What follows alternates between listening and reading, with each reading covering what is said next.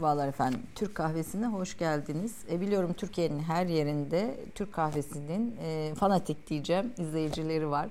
E, ve gerçekten buraya çıkarttığımız her konuğun önemini e, anlayan ve e, bu konuklarımızın keşfine vesile olduğum için de bana her gördüğüm yerde teşekkür eden çok insan var. Bugün de çok özel bir konuk e, ağırlayacağım. İlk başladığımız günden itibaren Alev Alatlı ile başlamıştık. Daha sonra Mehmet Genç ile devam ettik. O günden itibaren e, Türk kahvesine gelen, 4 yıl boyunca gelen konuklarımızın hepsinin bir ortak tarafı var. Aşırı titiz olmaları. Yani bir maden gibi çalıştıkları alanı e, incelikle, derinlikle, sabırla, büyük bir e, eforla ve sebatla tabii bütün bunların içinde incelemeleri ve e, ortaya çıkarttıkları eserlerle de aslında bize tarihin kıvrımlarını, e, işte dipnotlarını, çok da böyle e, genel anlatıların dışında kalan taraflarını ortaya koymalarıydı. Bugün de yine bu anlamda titizliğiyle, e, detaycılığıyla ve ortaya çıkarttığı eserlerle bize e, özellikle Tanzimat sonrası tarihimiz, Cumhuriyet tarihimiz konusunda da e, ışık tutan bir edebiyat tarihçisi. Edebiyat perspektifinden, romanlardan bakan birisi. İstanbul Üniversitesi Edebiyat Fakültesi Türk Dili ve Edebiyat Bölümü öğretim üyesi Doçent Doktor Nuri Sağlam. Hocam hoş geldiniz. Çok teşekkür ederim. Ee, ben tabii bir edebiyat sever olarak e, çalışmalarınız yer yer ilgi alanıma giriyor idi ama bu Lozan la birlikte e, müthiş bir iş çıkartmışsınız ortaya.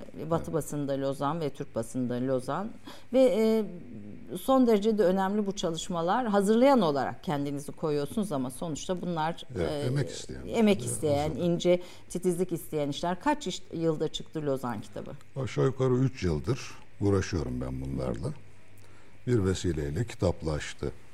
100. yılı münasebetiyle. Ben şöyle göstereyim. Bu Türk evet. basınında Lozan, bir de bunun Batı basınında iki tane şey, evet. kitap. Bir de o var. Aslında Türk basınında Lozan e, daha fazla olacaktı nicelik itibariyle ama 10 tane gazete var çünkü 10 tane gazetede farklı farklı gazetecilerin yazdıkları mektuplar var. Lozan mektupları. Onların hepsi aslında derlenip toparlanması gerekiyordu. Ben sadece iki tanesini yapabildim. Bunların telife tabi olmamaları tabii kitaplaşma noktasında yayın evi açısından avantajlı. Diğerleri telife tabiler. E, dolayısıyla onları ortaya çıkarmak daha müşkül idi. Bunlarla ancak ben tek başıma uğraşabildim. Bu bir çok geniş ve ciddi bir ekip işi olarak ortaya çıkarılabilecek bir konu. Aslında üç yıl evvel de bazı yerlere müracaat ettim yani.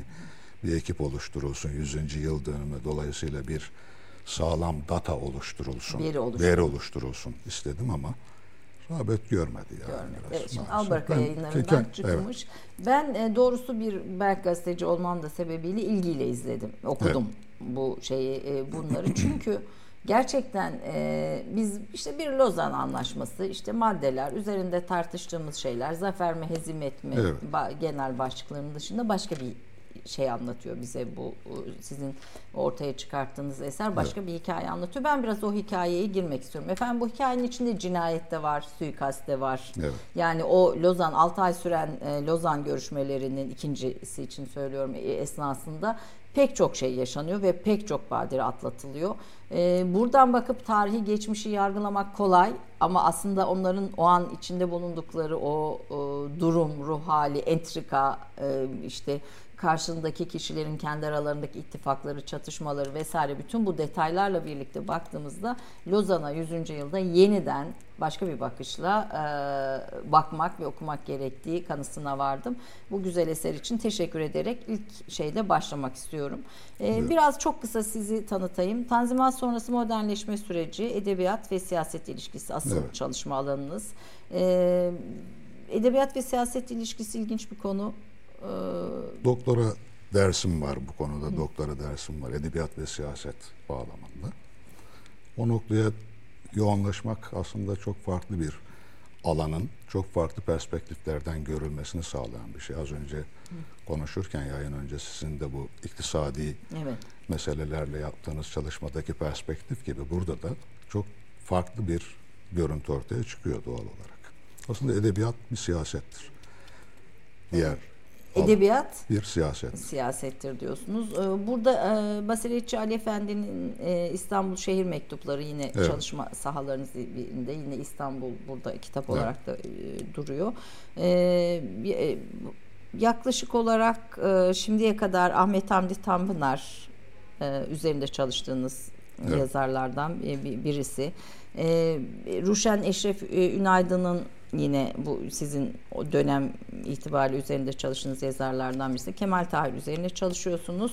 Bu, bu başlık Ömer Seyfettin ondan sonra Hüseyin Rahmi Gürpınar biraz önce programdan önce gö- Evet. konuşuyorduk. Onun yargılanma sürecinin neye dayandığını anlatıyorsunuz. Ee, Nuri hocamı okurken aslında başka bir arka plan, bir ruh, bir duygu alıyoruz. Şimdi ben sözü burada kesiyorum hocam. Size bırakıyorum. Lozan'a biz nasıl gittik? Lozan'ı biz e, bu belgeler ışığında da baktığınızda e, Türk heyetinin Lozan'a gittiğinde karşılaştığı tablo neydi? Buradan başlayarak ve bu basına nasıl yansıdı? Şimdi Mudanya mütarekesinden sonra 11 Eylül e, bir batıda sulh anlaşması yapılmak üzere bize davet geliyor. İngiltere'nin girişimiyle. Bu Mudanya mütarekesinde bazı maddeler ortaya konuluyor. Fakat burada yeri gelmişken söyleyelim. Buradaki özellikle Türk basınındaki Lozan'la ilgili yazılarda Mudanya mütarekesinde çok acele davranıldığı ve dolayısıyla orada en azından diyelim ki batı sınırları konusunda açık seçik maddeler ortaya konulmadığına dair bizi Lozan'da elimizi zayıflatan ana metin olarak Mudanya mütarekesini gösterirler. Hemen hemen Supi Nuri'leri, Ahmet Cevdet, işte Hüseyin Cahit filan daha başkaları da var. Bu arada Hüseyin Cahit'in Lozan mektupları ve makalelerini de kabaca hazırladım. Onlar da yayımlanacak herhalde Ötüken yayınlarından. Ama baştan sona yeniden orada da çok farklı şeyler var. Çok ilginç şeyler var. Oraya gidildiğinde mesela Supinuri çok sık söyler. Eğer Mudanya mütarekesinde aceleci davranılmasaydı en azından bizim Batı Trakya sınırlarımız çok daha net bir biçimde öyle fazla üzerimize yüklenmelerine müsaade edilmeden halledilebilirdi diyor. Çünkü burada çok ilginç şeyler var. Tutanakları okuduğunuz zaman zaten bu makalelerde de var. Lord Curzon yani şeyde biz Mudanya mütarekesinde batı sınırlarımızı Meriç Nehri'ne kadar demişiz. İfade bu. Meriç Nehri'ne kadar. Lord Curzon ne diyor bunun üzerine biliyor musunuz orada? Siz Meriç Nehri'ne kadar dediniz Mudanya mütarekesinde. Dolayısıyla nehrin akış yönüne göre doğu, doğu sınırı da sizin ülkenin sınırı kalacak. Yani nehir Yunanistan tarafında kalacak. Halbuki uluslararası hukuka göre ülkelerin arasını bölen eğer bir akarsu ise bunun tam Ortada. ortasından ki buna talvek hattı denir. Yani böyle bir şey. Bizimkiler bastırıyorlar. Olur mu böyle bir şey? Yani bu talvek hattına göre olması lazım. Yok siz orada öyle de, demiştiniz filan. Dolayısıyla bu e, netice olarak talvek hattı kabul ediliyor ama çok uğraştırıyorlar bizi. Ve biz de istediğimizi elde etmiş oluyoruz güya burada. Ondan sonra bize çok taviz verdiklerini kendi basınlarında bizim inatçı olduğumuzu filan Türkiye heyetinin bunlar onlar için birer veri oluyor. Ama asıl amaçları elbette İngiltere'nin Musul meselesiydi. Musul meselesini ha- hallettikten sonra çekildi kenara ve ikinci dönemde bizi Fransızlarla karşı karşıya bıraktılar. Şimdi isterseniz biraz açalım? Evet, İngiltere'nin tabii. burada Musul meselesi derken e, kastettiği neydi? Bir de benim gördüğüm sizin bu o, eserlerinizde de aslında hükümet değil şirketler var. Tabii. Yani bir İngiltere hükümeti adına yapılan işler değil de İngiltere İngiliz şirketlerinin lehine bir e, şey var orada. Tabii. Bir ne diyelim savaş mücadele var. Biraz burayı açarak Musul meselesi İngiltere için neydi? E, biraz onu bir anlayalım. Tabii o dönemler malum haliniz yani kömürün kullanımından petrolün kullanımına geçilmişti artık savaş gemileri bütün ulaşım vasıtaları artık petrol kullanmaya başladı ve e, sanayinin damarlarında akan kan olarak nitelendirildi o zamandan itibaren petrol için. Ve o bölgede zaten İngilizler işgal etmişlerdi Irak'ı. Esas olan orada biz bunu Fransız basınından öğreniyoruz. Ya orada çıkan yazılardan bir emekli Fransız binbaşı yazıyor. Ben de orada fark ettim, bilmiyordum. Özellikle Lord Curzon'un Musul'un Irak'a, Kral Faysal'a işte bağlanması için yapmış olduğu baskının arkasında bizatihi kendisinin 1914 yılında kurduğu Turkish Oil Company'nin ki Lord Curzon kurucusuymuş bunun yani. Çok evet. enteresan bir durum.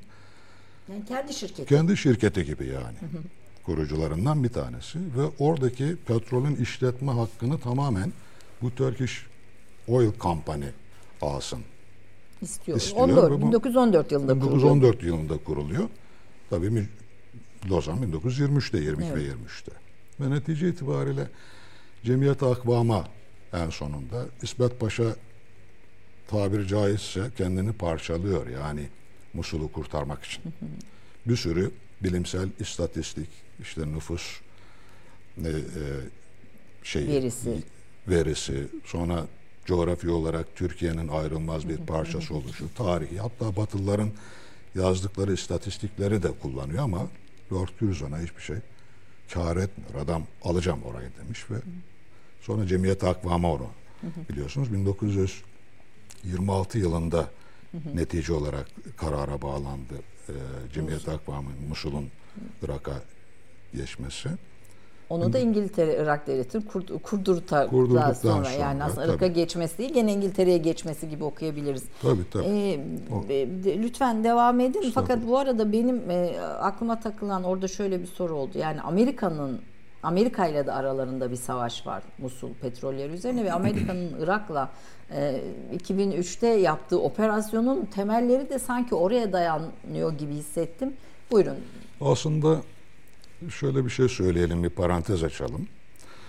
Ee, bu uluslararası kurum ve kuruluşlar, işte Birleşmiş Milletler, Dünya Sağlık Örgütü gibi bir takım stratejik kuruluşların İkinci Dünya Harbi'nden sonra kurulduğu söylenir bizde genellikle. Ama bunların ilk prototipleri Birinci Dünya Harbi'nden sonra 1920'lerde kuruluyor. Cemiyet Akvam 1919'da kuruluyor. Önce Amerika girmiyor bunun içerisine, daha sonradan giriyor. E, aslına bakılırsa Birinci Dünya Harbi'nde harp devam ederken şekillenmeye başlıyor yeni dünya düzeninin ana aktörleri. Hı hı. Batı basınında yazan gazeteciler bunu ortaya koyuyorlar. Beni çok etkileyen bir şey vardır. Bir Belçika gazetesinde 1917'de Birinci Dünya Harbi'ne Amerika müdahil olunca o zamana kadar Amerika Cumhurbaşkanı Wilson hep sulh, barış falan diye dünya basınına böyle deklarasyonlar yayınlıyordu ama Almanlar özellikle Batı ile yaptıkları Amerika'nın ticaret çok karlıydı. Almanlar bunların ticaret gemilerini Atlantik'te batırmaya başlayınca denizaltılarıyla Amerika 1917 5 Nisan'ında savaşa dahil oluyor ve Wilson o barışçı Wilson bu sefer kat'i neticeler alınana kadar harp sloganıyla devreye giriyor. Bunun arkasından batıda gazetelerde şunlar yazılıyor. Çok ilginçtir. Bugüne de ışık tutan E, şeylerdir bunlar. Yeni bir cihan diktatörü ortaya çıktı. Bundan sonra Avrupa'da bu yeni cihan diktatörünü dengeleyebilecek bir birlik oluşumu gerçekleşecek mi, gerçekleşmeyecek mi? Bunu tarih bu muammayı tarih halledecek diye. Ta o tarihte yazılıyor. Orta yani, Avrupa Birliği giden sürecin bir şey. Bir... Avrupa Birliği Amerika'ya karşı kurulmuş bir birliktir. Öyle görünüyor yani. Zaten şimdi tamamen üzerine abanmış vaziyette. Amerika ne derse o oluyor. Dolayısıyla Birinci Dünya Harbi'nden sonraki o süreç çok önemli bir süreç ama bizde İkinci Dünya Harbi'nden sonra Amerika'nın dünya Lütfen, evet. saltanatı ortaya çıktı. Ondan önce İngiltere'ydi deniliyor. Halbuki öyle değil. Dünya Sağlık Örgütü de 1920'de aslında Amerika'da New York'ta yapılan bir uluslararası tıp kongresinde ortaya attı. Osmanlı'dan da hekimler gitmişti oraya mesela. Yani. Şimdi peki burada Musul meselesi değil İngiliz meselesi diyorsunuz kitapta. Kesinlikle öyle. Bunu aslında ne şu meselesi ne bu meselesi diyor şey Yunus Nadi 1923'te yazdığı Cumhuriyet şeyde Anadolu'da Yeni Gün'de yazdığı bir makalede. Musul meselesi değil esas olan ne şu meselesi ne bu meselesi. Bu tamamen İngiltere meselesidir diyor. 1923'te söylüyor bunu ya. Ortada zaten Yunus Nadi söylemese de birçok yayın aşağı yukarı aynı izlek üzerinden devam ediyor. Doğru. Ee, burada e, İngiltere'nin yani Lord Curzon özellikle kendi şirketinin kendisinin kurduğu, hmm. kendisinin içinde olduğu şirketin Musul'daki çıkarlarını korumanın dışında Batı'nın başka hangi ittifak noktalardır? Uzun bir e, şarkı Cenubi geçidini tamamen kontrol altına alan İngilizler diyorsunuz. Evet. Uzun bir bölgede bir plan var. Biraz o bölgeyi de Musul'la birlikte istenen ne idi onu da bir e, birkaç cümleyle izninizle açalım onu da. Şimdi aslında bu mesele ne Lozan'la ne de Sevr'le ne de işte Birinci Dünya Harbi ile sınırlı bir mesele değil. Bu aşağı yukarı Cumhuriyet'in kuruluşundan 250-300 yıl öncesinden başlayan Batı'nın bir şark meselesi vardır. Malumdur, bilinen bir şey. Şark meselesi. Bunu halletmek, bir sonuca bağlamak. Kısaca özetleyecek olursak aslında şark meselesi başta İngiltere olmak üzere Batı güçlü devletlerin Orta Doğu ve Uzak Doğu'daki çıkar alanlarını azami derecede hatta Afrika'daki çıkar alanlarını azami derecede sürdürebilir bir şeye kavuşturmak. Amaç bu. Dolayısıyla şimdi e, çok ilginç bir şey vardır. Birinci Dünya Harbi sırasında dört yıl süren bir savaş bu. Her iki taraf da ihtilaf ve ittifak tarafı da yoruluyor savaştan. Ya dört yıl savaş mı devam eder yani? Milyonlarca insan ölüyor. Ülkelerin ekonomileri çöküyor. Halkta bezginlik, isyan, her bir şey İspanyol gribi falan geliyor onun ya üzerine. Tamamen zaten. toplumsal dinamikler çöküyor. Her ahlak çöküyor. Her yerde bu böyle. Bunun üzerine her iki taraf da aslında barış yapmak için girişimlerde bulunuyor. 1900 özellikle ikinci yarısından itibaren. En son 1918'de e, Talat Paşa Berlin'e gidiyor ve Almanlar yeniden bir barış girişiminde bulunuyorlar. Ancak daha önce Amerika savaşa girdi. Kat'i netice alınana kadar harp dedi ve onlar izin verdiği sürece bit, de, devam edecek savaş. Bitti derse bitecek yani. Asıl aktör oldu. Bunun üzerine İngiltere'nin o önemli en stratejik gazetelerinden Times'ta çok enteresan bir makale yayımlanıyor. Orada şu söyleniyor. Almanlar makalenin başlığı da sulh taarruzu. Barış taarruzu. Ee, diyorlar ki Almanların bu barış taarruzuna aldanırsak onlar aslında Batı cephesinde yenilmeye başladılar. Fransa ve Belçika'yı kurtarsak bile Doğu cephesini kaybettiğimizde İngiltere bu savaştan mağlup çıkacaktır ve bütün uzak doğudaki ticari kapıları kapanacaktır. Almanların eline geçecektir diyor. Bunu önlemenin tek bir yolu var. O da Şarkı Cenubi geçidini mahvetmektir diyor Türkiye için.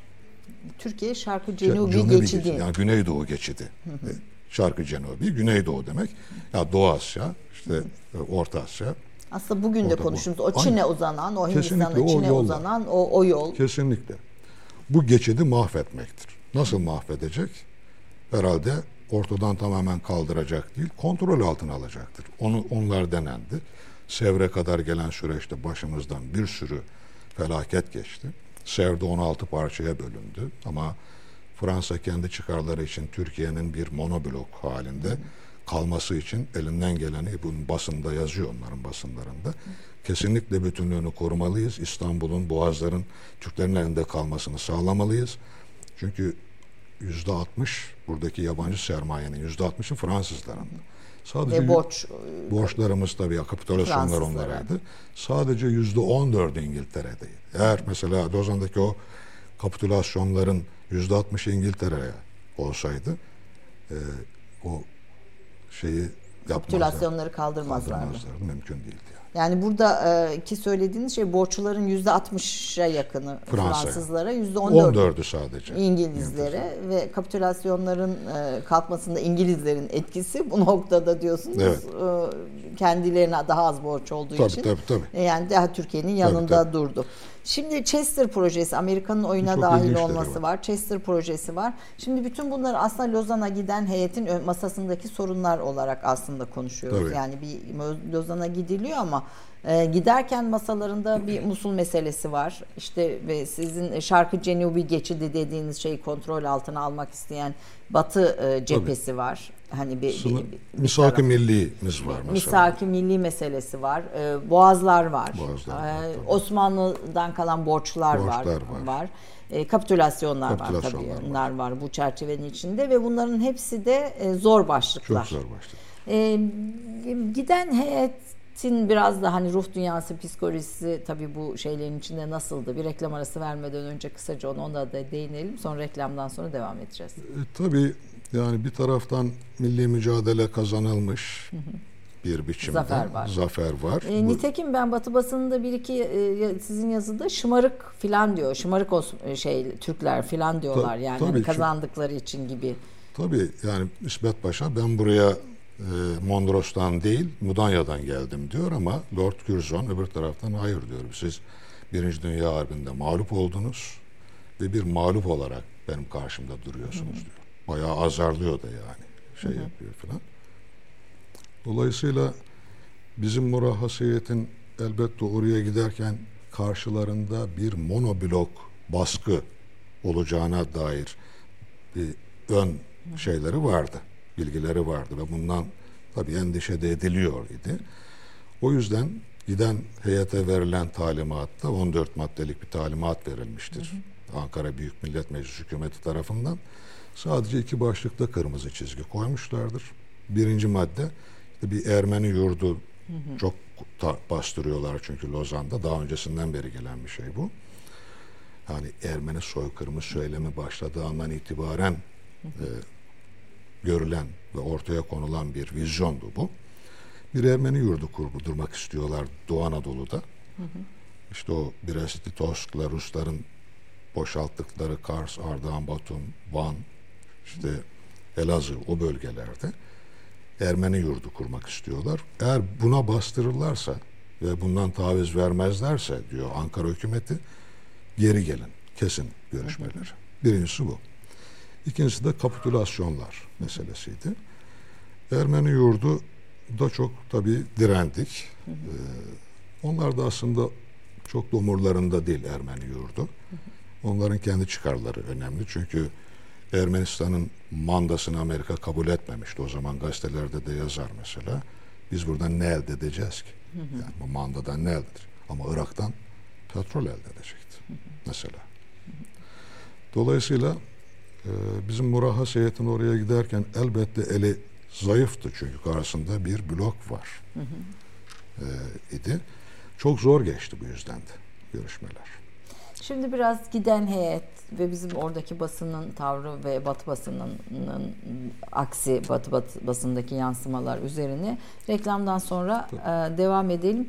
E, tabii insan ister istemez bu e, bugün olsaydı bugün Allah göstermesin tabii, Tabii. böyle bu koşullarda o masaya oturulsaydı hani hiç de kolay e, giden bir müzakere süreci olmadığında e, ortaya e, koyuyor sizin çevirdiğiniz bize aktardığınız yazılar. Efendim kısa bir reklam arasından sonra Türk Kahvesi'nin Nuri Sağlam'la sohbete devam ediyoruz.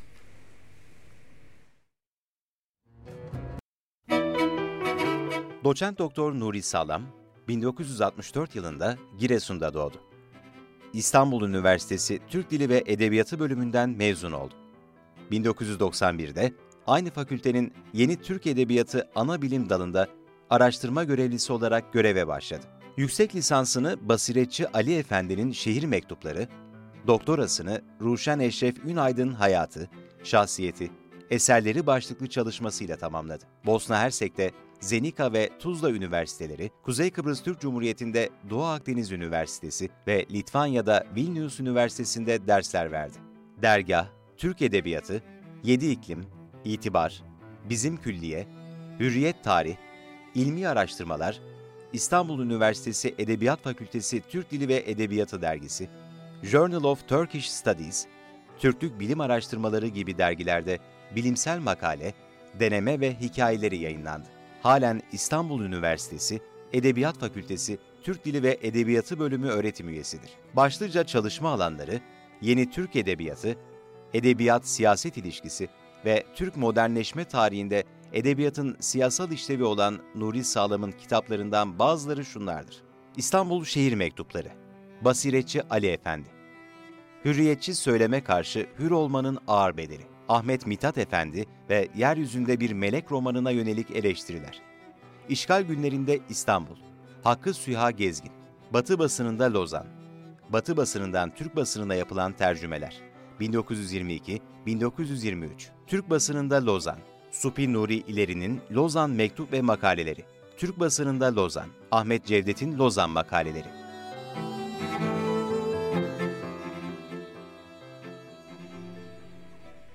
Efendim bu kıymetli çalışmalarıyla Nuri Hoca bugün Türk Kahvesi'nde bizim konuğumuz. E, reklam öncesi kaldığımız yerde Lord Curzon'un Musul petrollerini işletme hakkına tek başına sahip olmak için büyük çaba sarf ettiği Turkish Oil Company adlı kendi şirketini e, bizzat e, masaya getirdiğini söylüyorsunuz. Evet. Yani bu konuda büyük bir Lozan'da çat, e, karşılıklı müzakere olduğunu söylüyorsunuz. Burada hatta Lozan konferansında özellikle Musul konusunda verilen tavizlere şiddetle itiraz eden Trabzon mebusu Ali Şükrü Bey ile aynı konferansta Türk tezini savunan Rus delegesi Vorovski'nin kısa aralıklarla nasıl ortadan kaldırıldıklarını da e, ayrıntılı görmek mümkün bu mektuplarda, bu gazete haberlerinde evet. diyorsunuz. E, Voronski Rus delegesi öldürülüyor, bir cinayet işleniyor. Yani Lozan esnasında cinayetler evet. ve suikastlar da oluyor. Buradan Tabii. bir başlayarak devam edelim. Aslında bu cinayetler ve suikastlar tarihi üzerinde çok ciddi çalışmak lazım. Çünkü siyasi gelişmeleri anlamak ve anlamlandırmak bakımından son derece önemli şeyler ama nedense çok fazla üstüne gidilmiyor, durulmuyor.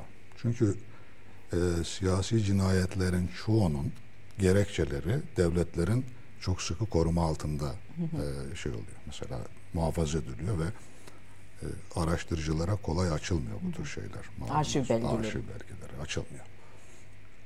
Şimdi Vorovski özellikle boğazlar noktasında ki aslında Rusları Bolşevikleri daha doğrusu Lozan'a davet eden bizdik. Yani İsmet Türkiye. İnönü'nün ısrarıyla Ruslar tabii, orada delege oldular tabii, diyorsunuz. Tabii. Öyle.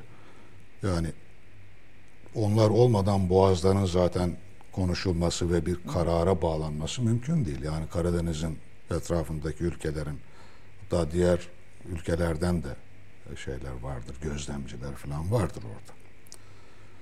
Özellikle boğazlar meselesinde Ruslar bizim tezimizi çok savundular. Çok arkasında durdular. Bu tabii kendi çıkarları açısından öyle. Daha sonra malum haliniz 1936'da e, Boğazlar meselesi Montreux Sözleşmesi'yle bir zemine oturtuldu. Ama hala bugün tartışma konusu değil mi? Yani evet. Ukrayna Savaşı dolayısıyla hala bir tartışma konusu. İyi ki de Mondros'ta şey e, Boğazlar Montreux, Montreux Sözleşmesi'yle bu hale getirilmiş. Aksi halde çok sıkıntılı olurdu. Lozan'daki gibi kalsaydı. Diyeceğimiz şey şu. 38'de galiba değil mi bu? 36'da 36 yanlış. Pardon, 36. 36 Montreux. Evet. evet. Ee, Rusların şimdi bizim de karşımızdaki heyet bir Türk heyeti var. Bir de karşımızda 9 ayrı ülkenin heyeti var. Bunlar başta e, Lord Curzon'un kontrolü altında bir dokuza bir durumundayız aşağı yukarı. Aslında hani Lozan fotoğraflarında gösteriyor arkadaşlar. Evet, evet buyurun. Evet, güzel. Bir durumundayız. Şimdi adamlar bizim heyete şey düzenleyemiyorlar. Hı hı. Suikast. Gerçi İsmet İnönü'ne dönük bir suikast girişiminden bahsediliyor orada. Hı hı. Lozan döneminde. Lozan'da. Lozan'da.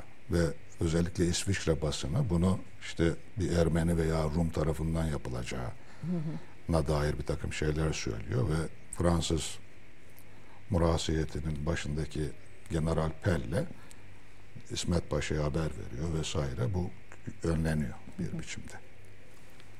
Yani Ama İsmet Paşa'ya yapılan bir suikast bir Ya- şekilde öl yani önleniyor. yapılması planlanan. planlanan bir şey olduğu söyleniyor o tarihte. Şimdi ama e, Rus delegesi Vorovski'yi bizim tezimizi savunduğu için bizim de gözümüzü korkutmak herhalde arkadaki amaç. Çünkü bize yapsa kimle müzakere edecekler yani bir taraftan. Ama onu yok ederek, suikastla öldürerek bir otelde e, aslında bir de gözdağı verilmiş oluyor. Ama bunu işte siyasi bir cinayet değil de münferit bir cina- cinayet olarak İsviçre basını lanse ediyor ve polis de hemen kapatıyor dosyayı. Bir güya e, şahsi kini olan eski bir Rus asker, Çarlık yanlısı bir asker tarafından e, intikam almak için öldürülmüş oluyor güya böyle bir şey. Halbuki arkasında başka şeyler. Yani Aynen. tamamen Türkiye'ye gözdağı vermek Gözdağı ve Türk vermek. tezini savunduğu için Tabii. öldü. E, Trabzon mebusu Ali Şükrü Bey'i de siz aynı aynı, kategoride görüyorsunuz. Ben aynı kategoride görüyorum. Çünkü çok kısa 2-3 hafta aralıkla oluyor bu iki cinayette. Şimdi Trabzon Mebus Ali Şükrü Bey ikinci grup denilen meclisteki ikinci grup, muhalif grubun en önemli, en değerli beyinlerinden biriydi. Elinde bir de gazetesi vardı. Tan gazetesi. İlk o zamanki Tan gazetesi onundu. Yani 40'lardaki Tan değil. O gazete üzerinde de çok kuvvetli yazıları vardır. Hakikaten iyi bir beyindir o. Onu da işte hatta Kemal Tahir de söyler Kurt Kanunu'nda Musul'u parayla sattıklarını söyleyen Trabzon mebusu Ali Şükrü Bey'i de öldürttürdüklerine dair söyler. Şimdi böyle bir sesi de Türkiye'de kısıyorlar. O da bir gözdağı oluyor. Aslında bazıları işte Atatürk'ün onu kendisine muhalefet ettiği için öldürttüğüne dair şeyler söylüyorlar ama bazı anılarda ben anılara itibar etmem. Atatürk e, Ali Şükrü Bey öldürüldüğünü duyunca çok morali bozulmuş. Yani bu ba- ba- başka kaynaklarda da böyle söyleniyor. Belki birçok şeyin farkındaydı Atatürk ama çok rasyonel bir adam idi ve doğrusu Öyle de olması gerekiyor. öyle de olması gerekiyordu. Bir mit değildi.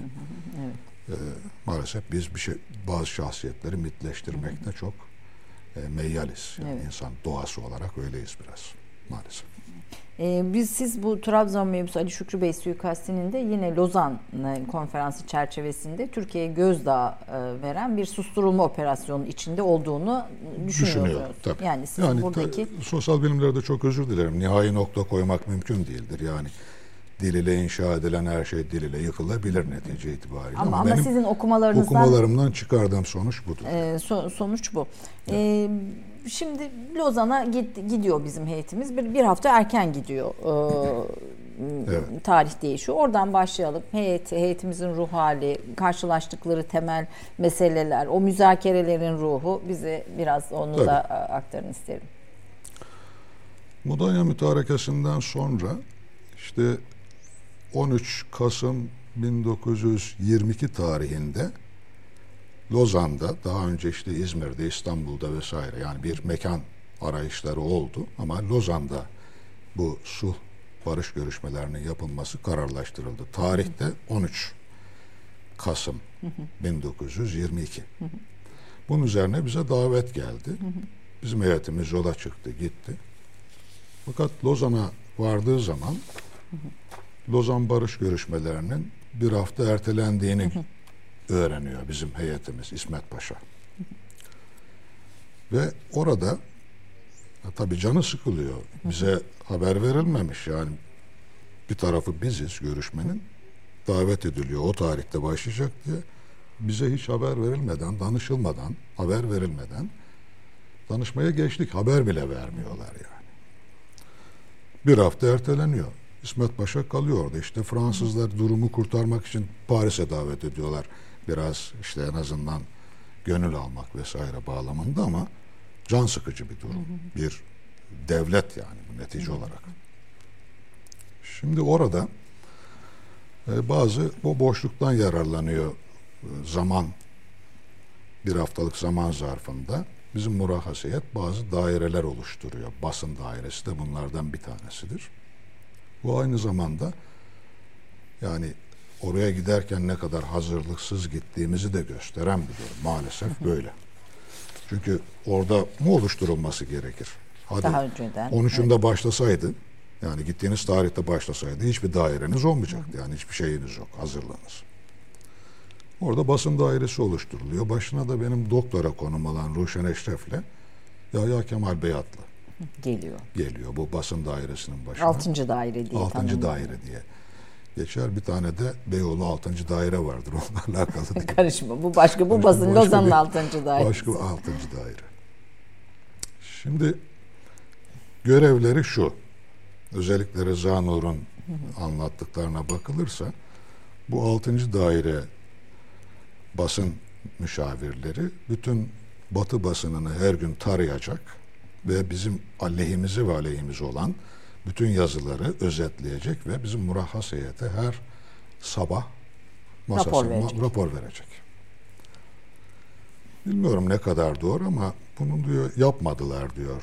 Rıza Nur şikayet ediyor değil mi? Şikayet ediyor. Sadece diyor Yahya Kemal biraz birkaç gün yaptı sonra o da yapmamaya başladı diyor. Şimdi işin bu tarafı böyle belki ama Yani toplam 10 gazete 13 gazeteci tarafından 13 gazeteci e, var. takip etmiş Önemli Lozan. gazeteci Evet. var. Başka arada gidip gelenler de var. Yani kısa süreli gidip gelenler de var. Mesela Suat Derviş bile o romancımız Romancı, bile evet. iyi Fransızca bildiği için o bile şeye basın şeyiyle gitmiştir mesela. Daha başkaları da var ama e, Vedat Örfi ya da Örfi Vedat neyse gibi bu şeyler. Ama esas itibariyle çok ünlü şey yazan, Lozan Mektubu yazan e, 13 gazetecimiz var orada. Şimdi bu murahhas heyetimiz gidiyor oraya. Bir de basın dairesi oluşturuluyor ama müzakerelerin gidişatına dair hem bu kitaplarda görürsünüz hem diğer gazetelerde kalan yazılarda bütün basın mensuplarının ortak olarak şikayet ettikleri tek bir konu var ve bu çok can sıkıcı bir konu. Ee, bizim murahhas heyetin Türk basınına müzakerelerin gidişatına dair hiçbir bilgi vermedikleri konusunda şikayet ediyorlar. Yani bizim heyetimiz kendi basınına bilgi Bilgi vermiyor. vermiyor. Çok ilginç bir durum bu yani. Sadece birisi değil, hepsi aynı şeyi söylediğine göre herhalde doğru olmalı bu. Yani diye bakıyorsunuz. Şimdi ama bunun tam tersine Batı murahhas heyetleri hepsi müzakereler devam ederken devam etme anında bile dışarıya çıkıp kendi gazetecilerini çağırıp böyle yazacaksınız, şöyle yazacaksınız diye talimatlar veriliyor. Veriyorlar onlara. Bizim gazetecilerimiz de görüyor bunu ama kendi gazetecilerin dışında başka gazeteci kabul etmiyorlar. Yani bir medya stratejisi var Batı'nın ortak ama bizde bir medya stratejisi yok. Propaganda yok bizde. Propaganda Propaganda, geleneğimiz yok. Zaten Spinori de yazar, Ahmet Cevdet de diğerleri de. Propagandasız artık bir kazanım elde etmek mümkün değil günümüz dünyasında. Basın efkar umumiye oluşturmak ya da kamuoyu oluşturmak için en önemli vasıta. Fakat biz bu en önemli vasıtayı kullanamıyoruz diye şikayet ediyorlar. Anlamıyorlar yani niye bilgi verilmediğine dair. Hakikaten verilmiyor bilgi. Onlar da Batı gazetelerinden veya batıcı, batılı gazetecilerden kulislerde yaptıkları sohbetlerden oradan buradan Batı'nın stratejisi var dediniz. Yani ki mektuplarda şey haberlerde de onu görüyorsunuz. Yani aslında bir Batı basını Times'ta bunun içinde var. Fransız gazeteleri de var. Hepsi ortak bir dil kullanıyor Türkiye'ye şeye Türk heyetine karşı. Ee, Biraz aslında ortak dili de böyle bir an- parantez içinde bahsederseniz sevinirim. Şöyle diyelim tam ortak dil zaman zaman kullanılıyor. Çünkü asıl müzakereler sırasında çatışan menfaat İngilizlerle Fransızlar arasındaydı. Bu zaten iki blok halinde iki ayrı arada bir iki buçuk aylık bir inkıta vardır. Bu görüşmeler sürecinde e, Fransa ile İngiltere'nin Türkiye üzerindeki çıkarları çok ciddi anlamda bugün de böyle devam eder yani. Adamların kolonizasyonları da çatışıyor. Yani paylaşım noktasında razı olmuyorlar işte. Science Picot'u hatırlarsınız, bilirsiniz. Yani Irak'la Suriye'nin İngilizlerle Fransızlar arasında nasıl paylaşıldığını. Bu öteden beri devam ediyor. Şark meselesinin devamı olarak. İngiltere ile Fransa'nın çıkarları çok ciddi anlamda çatışıyor ve Fransız basını zaman zaman İngiliz basınıyla çok sert münakaşalara da giriyor. Biz, bu bazen tabii bizim lehimize dönüyor. Bazen de çok nadiren İngiliz basınında bizim lehimize bazı şeyler çıkıyor ama daha çok Fransız basını özellikle e, İngiltere ile olan bu çıkar çatışması dolayısıyla ve özellikle de Almanya'dan e, ruh ravzasını işgal etmeleri Fransızların ve Almanya'dan tazminat alamadıkları için aslında şey yapıyorlar onu almak için. Bu noktada bizim e, İngiltere ile çok ciddi anlamda çatışıyorlar. İngilizler Fransızların ruh ravzasını işgal etmelerini kabul etmiyorlar, engelliyorlar onları bir anlamda. E, önlerine kesiyorlar vesaire. Kendi aralarında çok ciddi çatışmalar var. Biz o çatışmalardan nispeten istifade edebildik. Aksi halde monoblok halinde üzerimize gelselerdi bu kadar da kurtaramazdık yani. E, Fakat mesela The Times'ta e, 20.01.1923'te bir şey var. Eğer Türklerin müflis memleketleri güç ve takatten düşmüş ahalinin hakiki menfaatleri hakkında fikirleri varsa medeni devletler tarafından önerilen cömertçe şartları koşarak kabul etmeliler diyor. Hatta bugünkü Times'ta bunu daha yeni bir dille söylüyor yani Tabii, tabii, aslında. aynı şeyi söylüyorlar Türkiye kaosa sürüklenecek o zaman ilkel bir barbarlığın kurbanı olacaktır. Eğer e, İngiltere'nin öne sürdüğü şartları kabul, Kabul etmezse etmezse, diyor tabii. Times. Yani bir Tabii. Am- Amerika bir orada Amerika ve İngiltere arasında bir çıkar çatışması olsa da bir monoblok ortak bir çıkar birliğini de görmüş O oluyorsunuz. Az önce Chester projesinden e, bu Chester projesi de o çerçevede özellikle Fransız, İngiliz ve Amerika arasında çok ciddi sıkıntılar yaratıyor. Lozan Yani aslında. Amerika, İngiltere ve Fransa arasındaki çıkar çatışmasının bir şeyi Chester projesi. Tabii. Ee, biraz aslında onu da kısaca anlatalım. Şimdi şurayı bir şey netleştirelim. Biz e, gönderdiğimiz 13 gazeteciye dair Lozan'da bir daire oluşturuyoruz. Bunlardan e, Batı basınını tercüme etmeleri ve Batı basınına haber de hani e, oluşturmaları noktasında hizmet almaya çalışıyor Lozan heyeti ama bu çok da başarılı bir hizmet olmuyor. Ama sizin bu çalışmalarınız onların mektuplarından kaynaklanıyor. Tabii. Onların yazılarından ve mektuplarından Tabii. kaynaklanıyor. Çünkü onlar birebir Lozan'ı takip ediyorlar Tabii gözlemliyorlar.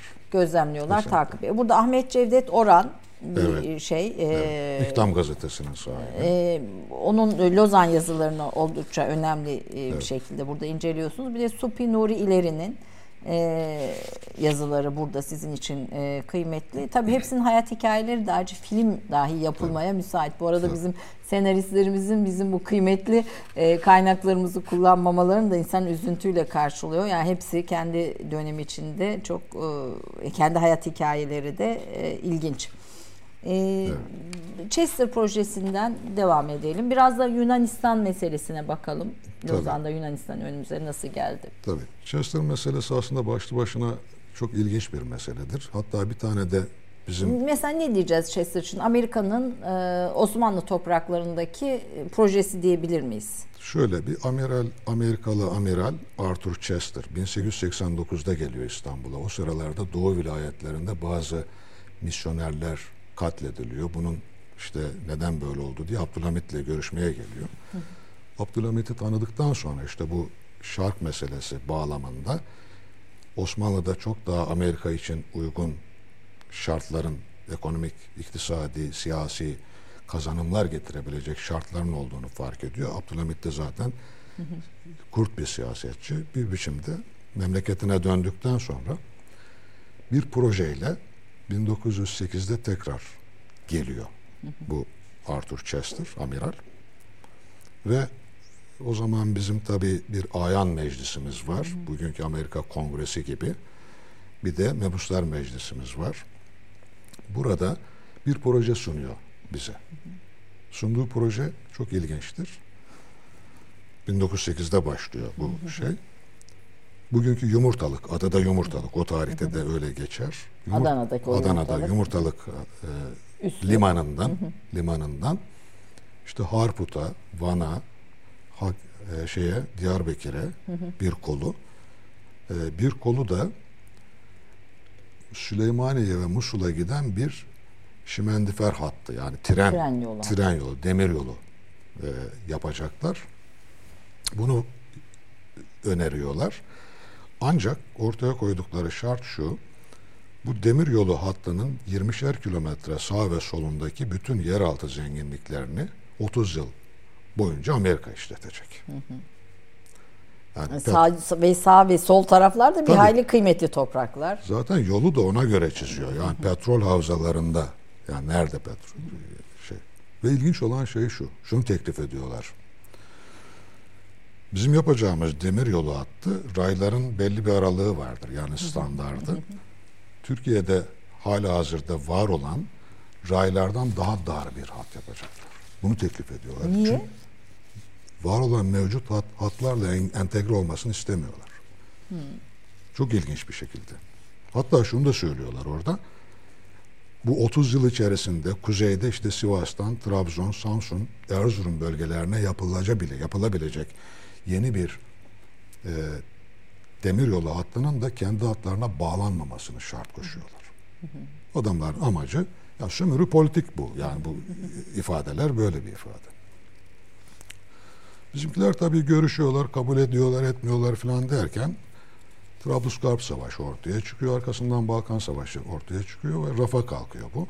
Lozan'da tekrar gündeme geliyor. İngiltere, Fransa ve Almanya bu projenin reddi için de çalışıyor için bu arada. tabii, o da çünkü- o da onlara karşı e, Tabii. çalışıyor. Öteden beri çünkü Alman ve Fransız şirketleri de Türkiye'de demiryolu Hattı yapmak yap- istiyor. yapıyorlar. Şey yapıyorlar. Ama iş demiryolu yapmak değil yani. Aslında petrol bölgesi savaşı bu. Yani hala devam ediyor bu. Yani bit, bitmedi ki. Hala devam eden bir süreç bu. Daha da ilginci şu. Bu çok ilginizi çekecektir muhtemelen. 1919 yılında yeni bir proje daha sunuyor Amerika. Türk basınında birkaç yerde geçer bu. Ama tarih metinlerinde rastlamadım ben hiç. Anılarda da rastlamadım. Doktor Aşil projesi bu projenin adı. Bu sefer kuzeyde Van bölgesinde Erzurum bölgesinde e, bu Aşil projesine göre Amerika oradaki yoksul halka zirai aletler dağıtacak. Nakdi yardım yapacak. Ama bu yardımı Amerika yaptığı için oradaki Osmanlı jandarması çekilecek. O bölge Amerikan askerleri konuşlandırılacak. Bunu söylüyorlar 1919'da. Doktor Aşil projesi. Aşil projesi yani. Şimdi Burada da görüyor bu Chester projesinin resmi e, herhalde ekranda şu anda değil mi? Evet yani Evet. ana hatlarını Ana hatları bu. Yani bu bu Tabii. böyle bir demiryolu hattının iki tarafındaki imtiyazlı sağ ve e, toprakları. Doktor peki Doktor Aşil projesinin akıbeti ne oluyor? Akıbeti şu 1919'da S- Paris Sulh Konferansı devam ederken Damat Ferit Paşa orada. Yani Damat Ferit Paşa hükümeti baştayken ki 1918'de 20 arasında 12 tane hükümet kuruluyor. iki yıl içerisinde. İki yıl içinde. Yani bu çok enteresan. Hük- Hükümet denilmez ona. Kurulmadan çöküyor yani. Böyle bir dönemi idrak ediyoruz o tarihte. Ee, o sırada İçişleri Bakanı Ali Kemal, Ali Kemal özellikle bunu geçmesini istiyor meclisten. Fakat söz dinletemediği için istifa ediyor. Yani gazetelerdeki haberlerden, yazılardan çıkardığımız sonuç bu. Hakim kalıyor o proje. Fakat sunulan proje çok ilginç değil mi? Bugünkü meseleleri de göz önüne aldığımızda Yani bir hakikaten tarım birisi tarım birisi de enerji kaynakları yani iki aslında tane. o da enerji kaynağı. O da- Çünkü Erzurum petrolleri çok bugün hala oralara gidilecek herhalde muhtemelen. Yeni yeni şimdi Cudi'de, Gabar'da petrol bulunuyor ama Erzurum bölgesinin çok ciddi anlamda petrol rezervi olduğu o zamanlarda yazılıyor. Oralara da çıkacaktır muhtemelen. Yani Doktor Aşil projesinde bir not olarak ben mesela Chester projesiyle ilgili sizin kaynaklarınızda okudum ve çok Evet. ilgimi çekti hani Evet. bu, buna dair. Buna Doktor dair Aşil birkaç çalışma yapıldı ufak tefek. Yayımlandı da. Chester projesiyle ama Aşil projesiyle alakalı bir şey yok bir yerde. yani. Ee, peki heyet 6 ay. Ee, şimdi o kurs kanununda e, söylüyor Kemal Taş. Şimdi şeyi hatırlamıyorum da yani bir bakkalın borçları bile diyor hani tasfiye etmek aylarca sürecekken koskoca 600 yıllık Osmanlı İmparatorluğu'nun Tasfiye etmek. 6 ayda tasfiye edilir Evet. diyor. Lozan'da bizim heyetimiz Fanatik'le ilgili sizin e, burkan anılar veya çok önem verdiğiniz şeyler neler? Biraz onu da dinleyeyim istiyorum. Doğrusu şöyle söyleyelim. Biz tarih e, bilinci olarak bir takım ideolojik sahiplerle genel anlamda hareket ediyoruz. Belki dünyada bu böyle bilmiyorum. Yani tarih dediğimiz şey aslında bundan sonra ile istikbale dönük işimize yarayacaksa bir kıymet ifade Veriyor. eder. Aksi halde e, kayıkçı kavgasının bir anlamı yok. Bizde biraz çok amiyane tabirle kayıkçı kavgasına dönüşüyor bu iş. Yani Lozan meselesiyle alakalı kimi hezimet diyor, kimi zafer diyor. Aslında böyle bir şey yok. Bir realite var ortada. Bunları da bütün derinliği, oylumu, hacmi artık neyse bunlar ortaya koyabilmek için basın çok ihmal edilmiş. Basın olmadan olmayacaktı bu iş. Olmuyor da zaten. Hatıralar üzerinden daha çok ve ideolojik kamplar üzerinden daha çok ortaya bir takım şeyler söyleniyor.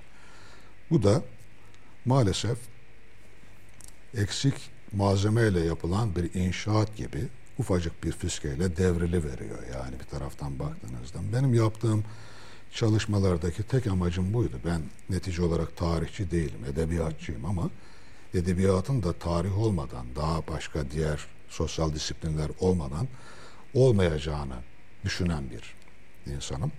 Yani teoloji, felsefe, sosyoloji belli ölçülerde işimize yarayacak ölçüde olmadan edebiyatın hiçbir anlam ifade etmeyeceğini düşünerek biraz bakıyorum meseleye. Benim yaptığım çalışma bir malzeme tedariki esasen. Aslında bunun üzerine daha Lozan'ı çalışmak lazım diyorsun. Kesinlikle şimdi diğer bütün gazetelerdeki bu yazıların ortaya çıkarılması gerekir. Hatta sadece bu- Karikatürler ki sizin Hepsi. bir arşivlerinizde de bir hayli sayıda o karikatürlerde de Osmanlı çok kötü çiziliyor yani. Kesinlikle o Türk öyle. devletleri çok kötü çiziliyor. Tabii. O karikatürler tabii o dönemin gazetelerinde var ama çok da şey değil, e, net değildi. Benim kızım Ayşenur sağ olsun onları imite ederek e, Bu, şey burada bir karikatür var mesela. Bu bu kimi te- bu bu karikatürlerde biraz veriyoruz ekrana. Evet. Evet. Bunlar işte bu gazetelerde olan e, karikatürler ama Ayşenur benim kızım tarafından yeniden çizildi. çizildi. Bunlar Peki Ayşenur'a da teşekkür ederim Evet, böyle bir şeyi evet, kazanımı bize evet. e, yaptığı oldu. için. Aynısını yaptı çünkü başarılı o tarafı. Epeyce şeyi var. Ee, Batı basınından yapılan, e, orada çıkan şeyler bazen mesela özel olarak ver e, şeyin Macar bir karikatürist bu. Derso denilen bir adam. O mesela diyelim ki Akşam gazetesi içinde özel olarak bazı karikatürler çizmiş. Tanin gazetesi içinde çizmiş. Çünkü altında o karikatürlerin mesela Tanin'deki bazı karikatürlerde Derson'un Tanin için özel olarak çizdiği karikatür diye not düşer mesela. Ama Batı basınında da birçok gazetede bu karikatürler, var. Karikatürler yani Lozan aslında biraz da karikatürlerle bile hatta okunabilecek Okunabilir, bir şey. tabii.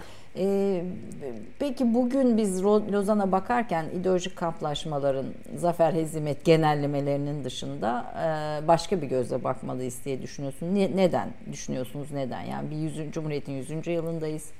Lozan'ın üzerinden de sonuçta daha 100. yıla bir, bir yılımız daha var sanırım e, şey olarak. Ee, önümüzdeki yıl Lozan'ın 100. yılı olacak. Bu, Bu- Türkiye için ne ifade ediyordu? 2023 Lozan'ın 100. yılı yani 24 Temmuz. 24 e, 24 siz herhalde şey Evet, yaptınız. 24 24. Temmuzu herhalde şey evet yaptınız. evet. Oradan. Ama 2023 e, Lozan'ın 100. Yıl, y- yılı. Ama bu 2024, 2025, belki 2050'de de sürekli konuşulacak bir şey. Çünkü hala biz, ben şu kanaatteyim, kanaatte değil daha doğrusu veriler onu gösteriyor. Bugün meşgul olduğumuz bütün harici siyasi handikaplarımızın temelinde aslında buradaki kayıplarımız yatıyor. Yani orada çok başarılı bir elbette dönemi itibariyle Lozan çok önemli bir anlaşma. Bunda hiç şüphemiz yok. Fakat bir şeyi övmek ya da yermek değil bizim amacımız.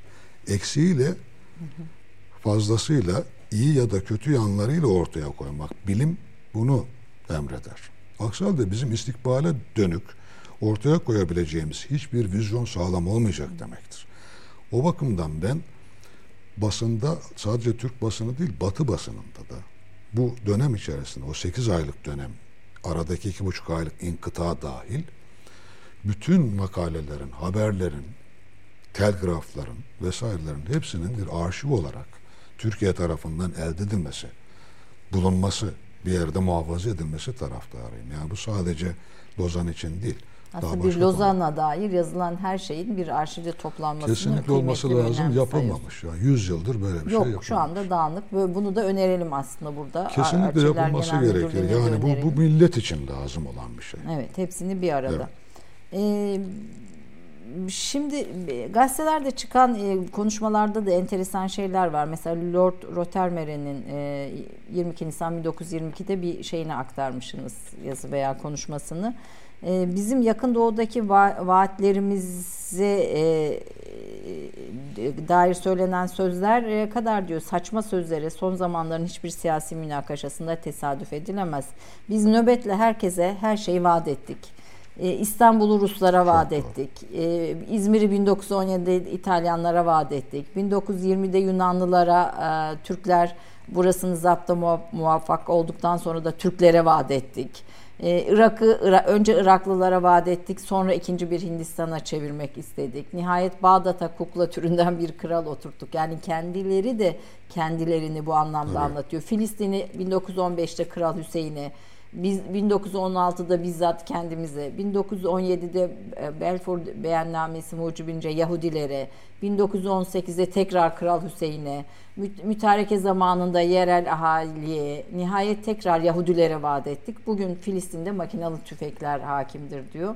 Çok doğru. Ee, şimdi bu şey Çok doğru bir tespit. yani e, sizin e, e, şeyde görünce dedim ki yani ne kadar şey ve bugün de bu vaatler bitmiyor ve bu saçma vaatler ama sonuçta en önemli şey kendi için çıkarı Kesinlikle. merkeze almak, ticareti e, merkeze alan bir politikayı bu Tabii. topraklar üzerinde e, e, hakim kılmak bunca acıya rağmen. Kesinlikle aslında bir öz gibi duran bu e, yazı İngiliz politikasının ne kadar incelikli ve ne kadar da zalim olduğunu gösteren bir şeydir. Yani e, Yunanistan'ı e, Asya macerasına nasıl e, sürükledi diye bir yazı var Lloyd George. Tabii. Matinde siz de onu bu yazının içinde almışsınız. Yunanistan'la ilgili meselelerinde e, Bugün devam ediyor mesela. devam ediyor ve o 100 yıl önceki bütün bu Tabii. şeylerle etkisi var. Kısa bir reklam arası, kısa bir reklam arasında biraz edebiyata girmek istiyorum ama bu son bölümde Tabii. inşallah ona da kısa bir vaktimiz kalır. Kısa bir reklam arasından sonra buradayız efendim. Ben reklam arasında Nuri Sağlam Hoca'nın söylediği güzel bir şey vardı. Bir Fransız atasözünü hatırlattı. Ee, hakikat yaralar ama yalan öldürür diyor. Nuri Sağlam Hoca da hakikat peşinde bir bilim Evet. insanı olarak bir Evet. edebiyat edebiyat tarihçisi diyebiliriz tabii bu, Tabii. bu anlamda sizin yaptığınız iş itibariyle olarak hakikatin peşine düşmüş e, bir isim. E, Lozan'a son bir cümleyle bitireceğim Lozan'a. E, 24 Temmuz 1923'te anlaşma imzalanıyor. Evet. Kimler var anlaşmanın diğer tarafında imza atan diğer ülkeler neler? Bizim Lozan'da verdiğimiz en önemli taviz ne sizin bu çalışmalarınız çerçevesinde? Şimdi İngiltere, Fransa, İtalya, Japonya, e, Türkiye mesela 9 tane Yunanistan, Yunanistan, Romanya. Ro- e, Romanya var herhalde. Şey, E, Sırp, Hırvat, Sloven var, Krallığı. onlar var, onlar var. Bu e, bu şekilde imzalanıyor ama o Yunanistan'la olan şeyimiz Taviz olarak. taviz olarak e, işte milli mücadele döneminde bütün Anadolu'yu yangın yerine çeviren, çok büyük acılara sebebiyet veren Yunanistan'dan tamirat ve tazminat karşılığını alamıyoruz. Bundan feragat ediyoruz. Bu e, hakikaten çok ilginçtir. Bu mektuplarda da bu yazılarda da geçer. Bundan feragat edildiği zaman diyor mesela şey Supi Nurileri içimiz cız etmişti diyor. Yani çok canımız yanmıştı diyor. Ee, üstelik de Yunan işgalinde Anadolu tabii tarumar ediliyor. Tarumar ediliyor. ediliyor ve biz buna bir tazminat istiyoruz ama bu talebimizden vazgeçiyoruz. tabii 4, 4 ya da 5 milyar civarında bir para taz, tazmin edeceğiz.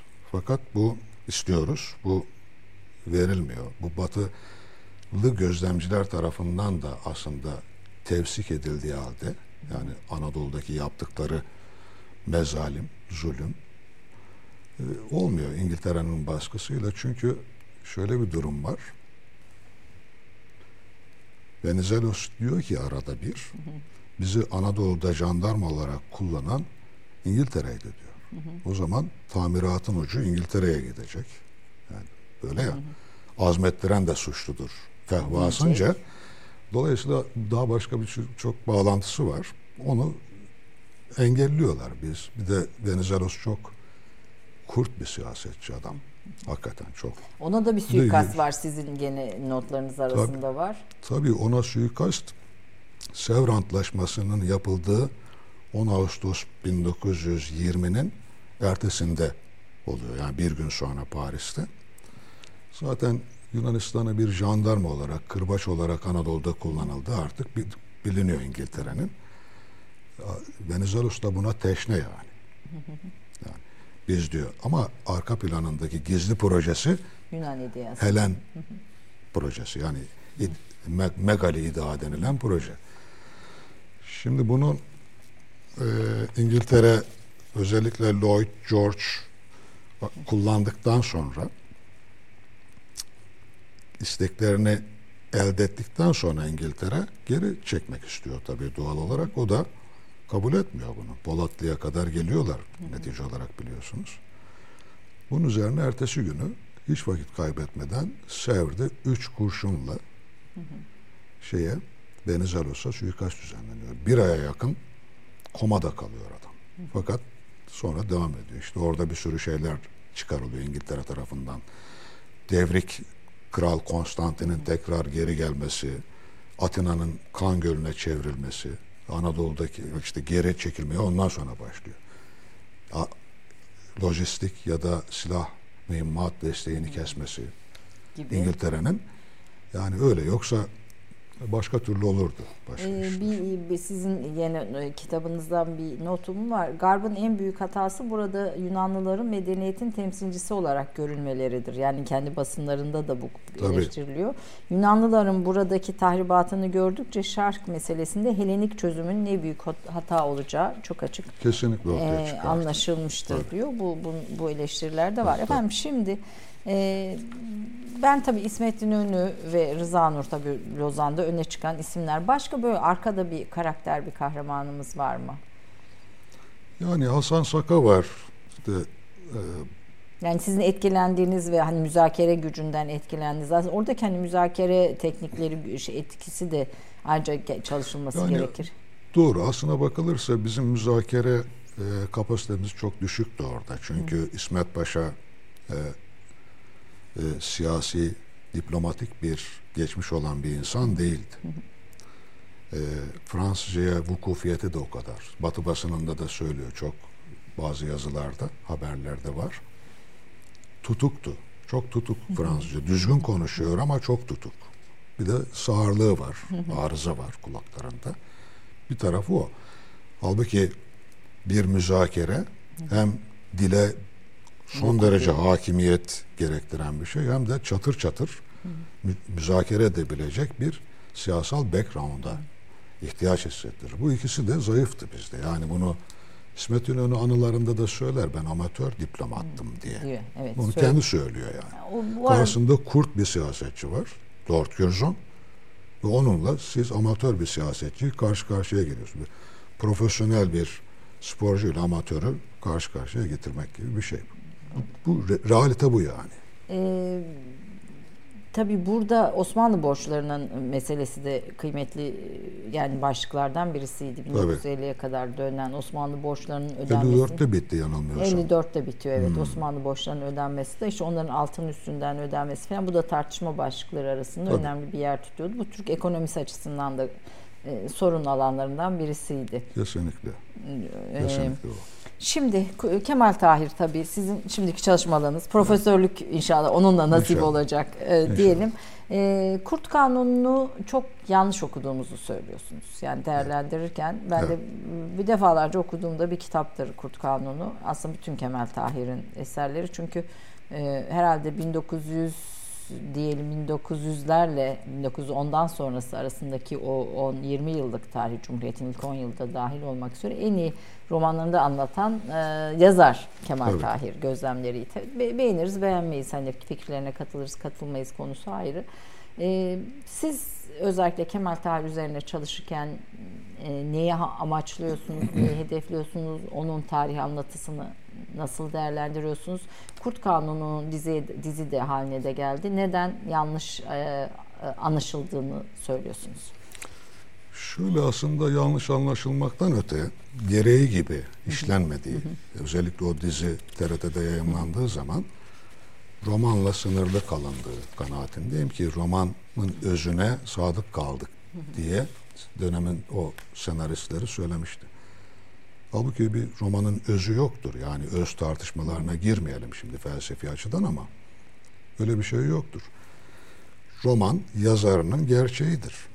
Ben söylerim hep derslerde kurgu eşittir gerçek diye tahtaya yazarım. Şaşırır öğrenciler. Şimdi özellikle tarih dediğimiz alan bugünden geriye bakılarak inşa edilen, icat edilen, kurgulanan bir alandır modern tarih teorisyenleri ve felsefecileri tarihin bir edebiyat olduğunu söylerler. O yüzden şimdi bizdeki klasik tarihçiler tarihi roman ya da romansal tarih yazanlara biraz şey bakarlar. Yani hayal satıyor. Şey, hayal satıyor gerçekten diye bakarlar. uzak. Bu çok tartışılan bir konudur. Bazıları da haklarını teslim ederler. Yani tarih bir kimsenin özel elinde işte özel mülkiyet değildir. Tarih bir miri malıdır. Yani öyle bakılır meseleye.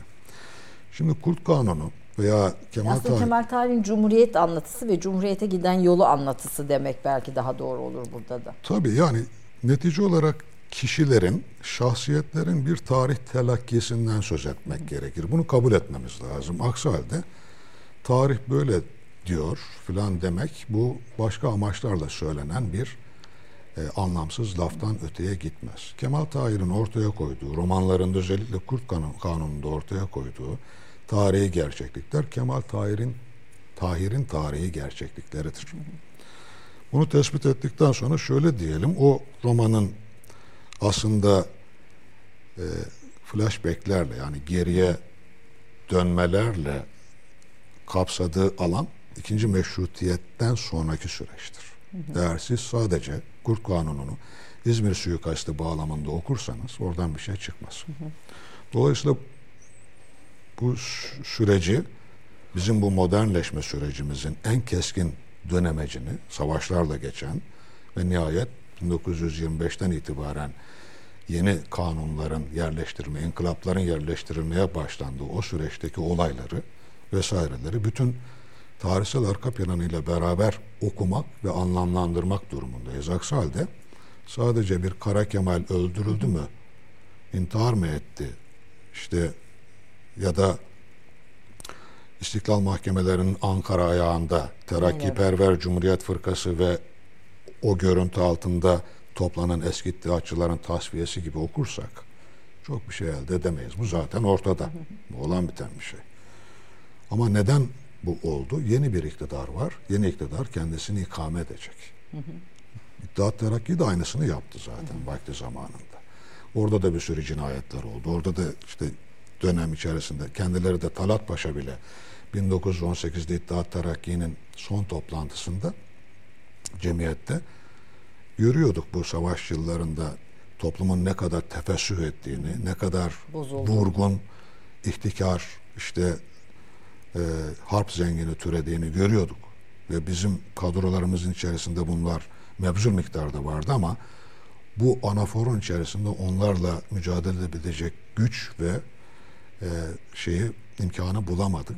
Savaş bitsin de bir düzlüğe çıkalım ondan sonra hesap sorarız hı hı. dedik ama maalesef ülkeyi kaybettik. Hı hı. Savaşı kaybettik diye kendisi söyler son toplantıda. Hı hı. Bu hep böyle olmuştur. Yani İşte o, o zaman İttihat ve Terakki ile Hürriyet ve İtilaf Fırkası arasında çok ciddi kavgalar, siyasi kavgalar, münferit işte menfaat kavgaları hangi kim olursa olsun İslam alimlerinden de var mebuslar. O önem, o dönemde gazetelerde yazıyorlar. Onların yazılarına baktığınız zaman insanın yüzü kızarıyor. Bu nasıl bir alem diyorsunuz. Tamamen kendi menfaatini yani mensup olduğu partinin söylemlerini öne çıkaran şey. Bu değişmiyor. Sonra da öyle oldu. Yani 1926'daki İzmir suikastinde İstiklal mahkemelerinin ortaya koyduğu ilginç olan şey şu. İstiklal mahkemelerinin üç Ali'si vardır. Üç Ali derler onlara. Kılıç Ali. Kılıç Ali, işte e, Kel Ali, bir de e, Necip Ali, savcı, müdde umumi.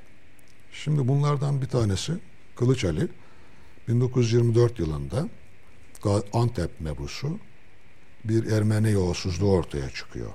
Şeyde İstanbul'da, Lozan'da hı hı. bir madde olarak vardır. Yani tehcirde ve milli mücadele döneminde yurt dışına çıkan hı hı. Ermeniler eğer Türk pasaportuyla çıkmışlarsa hı hı. geri dönebilirler ama ecnebi pasaport edinerek yurt dışına çıkmışlarsa zaten kendilerini Türk Yabancı. vatandaşlığından çıkardıkları için bunlar dönemezler diyor. E, fakir olan Ermeniler zaten ecnebi pasaportu ödünemiyor. Zenginler alıyor bunu. Çıkıyorlar ve Lozan'da bir madde olarak vardır. Onların dönmesi yasaklanıyor Türkiye'ye. Kabul ediliyor bu. Fakat 1924'te bazı Ermeni zenginlerinin Türkiye'ye geldiklerini ve bıraktıkları mallarını satmak ya da üstüne yeniden konmak için döndüklerini yazmaya başlıyor gazeteler. Bu nasıl olur deniliyor. Batı bas, e, İstanbul basını ile Ankara basını arasında çok ciddi bir gerilim ortaya çıkıyor. O zaman bütün gazetelerin sahipleri zaten mebuslar. Hı hı. Tek parti var. Hepsi aynı partinin hı hı. mebusları. Ama aralarında birçok e, anlaşmazlık noktaları var. Yani çeşitli sebeplerden dolayı. Celal Nuri ileri başta olmak üzere Hüseyin Cahit, Hüseyin Cahit mebus değil ama Celal Nuri ileri mebus. O özellikle bu nasıl oldu? Yani Dozan'da madde olduğu halde bu Ermeni zenginleri nasıl geldi buraya falan bunu kim sağladı diye gazeteler baş, başlıyor yazmaya çizmeye. Aşağı yukarı 6 ay sürüyor bu. Hı hı. Ve Ankara hükümeti dayanamıyor İstanbul'a bir mülkiyelilerden bir teftiş heyeti gönderiyor. Ve burada 3 ay çalışıyorlar. Bu 3 ay zarfında bir irtişa çetesi yani bir rüşvet çetesi kurulduğunu tespit hı hı. ediyorlar. Bu, bu çetede Kılıç Ali de var. Hı hı. Onun adı da çıkıyor. Hatta işin ucu Yahya Kemal'e kadar bir de bile gidiyor, gidiyor. yani o çetenin içerisinde. Ruşen Eşref'e gidiyor filan. Ama aslında onların yok yani öyle bir şey ama oraya kadar gidiyor. Bunun üzerine Kılıç Ali İstanbul'a geliyor. Celal Nuri ileri, o da mebus, o da mebus. İleri matbaasında otururken basıyor. Kurt Kanunu da söyler bunu bu kadar Kemal Tahir. Basıyor matbaayı. Celal Nuri'yi bayıltana kadar tabanca kabzasıyla gazetelerde vardır. Kafası sarılı resimleri vardır. Sonra bunu işte ikisi de mebus bunların. Siz çok tabii daha iyi bilirsiniz. Bu masuniyet hakkı var. Bu masuniyet hakkı eğer bir cinayete teşebbüs ya da cürüm söz konusu olmadığı sürece masuniyet hakkından yararlanıyorlar. İstanbul Savcılığı burada bir cinayete teşebbüs yok diye bir rapor veriyor ve meseleyi kapatıyorlar. Arkasından işte Musul meselesi dolayısıyla İngilizlerin çıkardığı Şeyh Said ayaklanması var. Hı hı. Bu çok önemli. O Musul meselesi bağlantısı. Bağlantılı tabii kesinlikle süreci takip ettiğinizde bu çok net yürünen bir şey. Ama takrir-i sükun kanunuyla işte iddiat şey, eski iddiatçıların ve terakki perverlerin böyle bir isyan çıkardıklarını filan e, söyler. Hı. Kanonik ya da resmi tarih diyelim. Hı. Hiç alakası yok onun. Başka türlü o mesele. Ya arkasından Ankara İstiklal Mahkemesi devam ediyor. Ve özellikle takviri sükun kanunu da çok ilginçtir. İki mahkeme kuruluyor. Bir de Elaz Elazığ'da var. Ankara'da kurulan mahkemenin o sıralarda şeyi yok. idam cezası verme yetkisi yok. Elazığ'daki var. İstanbul'daki bütün gazetecileri Elazığ'a gönderiyorlar. Yani İdam cezası. İdam cezası. Korkutmak, sindirmek için. Sonra Ankara İstiklal Mahkemesi'ne de idam cezası hakkı veriliyor. 1927'ye kadar da devam eder o Kurt. Kanunu o dönemin aslında romanı bir yandan. Kesinlikle yani şimdi netice itibariyle biz bir romancının muhayyelatını imgelemeni e, elbette kendi özelinden okuyamayız. Kend, biz kendi bakış açımızla okuyacağız. Fakat bize bazı şeyler söylüyor. Onların üstüne gitmek lazım ve e, yani onu ben değişmez bir metin olarak görmüyorum. Elbette her okuma yeniden inşa etme Bir yorum. Tabii her okuma bir yeniden inşa etme meselesidir. İş ki makul ve makbul bir şey inşa etmek. Öyle yıkılacak bir işte de, de- Hakikaten de korkmamak, korkmamak. lazım. Mesele bu. Niye mal olursa olsun demek lazım. Çünkü biz geçiciyiz. Çoluk çocuğumuzun istikbali, bu ülkenin istikbali, her şeyin iyi olması amacımız bu. Ne olacak yani? Evet. şeyimiz. E, Tabii bu anlamda yol ayrımı da belki o anlamda Kurt Kağan'dan sonra e, Tabii. bu, Çok. o öyle bir metin üzerinde yorum gerektiren bir metin. Şimdi me- merakla bekliyoruz Kemal Tahir çalışmalarınızı. İnşallah, İnşallah. yayınlandığı anda e, tekrar e, İnşallah. e, Tabii memnuniyet duyarım, konuğumuz şeref olun arzu ederiz. Daha geniş konuşalım diye arzu ediyorum ben. Türk Edebiyatı üzerine birçok Hüseyin Rahmi Gürpınar'dan tutun daha Ahmet Hamdi Tanpınar mesela yine çok çalıştığınız e, yazarlardan birisi. Hatta ben sizin Mahur Beste üzerine olan yazınızı okuduktan sonra Mahur Beste'yi tekrar okumam gerektiğini düşündüm. Çünkü ben sizin yazınızdaki gibi bir e, yaklaşımla okuma e, yani benim zihnimde kalan e, Mahur Beste o değildi. Yeniden okumalıyım belki bu bakış açısıyla. Bu anlamda aslında kitaplara Türk Edebiyatı'nda bakış açısını da farklılaştırdığınızı düşünüyorum. E, Türk Edebiyatı'ndaki ideolojik kamp, siyaset ilişkisi de de çok kısa bir e, değini yapalım. E, vaktimiz de bitiyor çünkü. Bu ideolojik kamplar bugüne nasıl ilerliyor?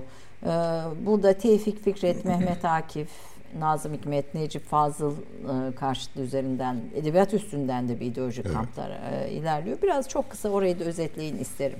Tabii.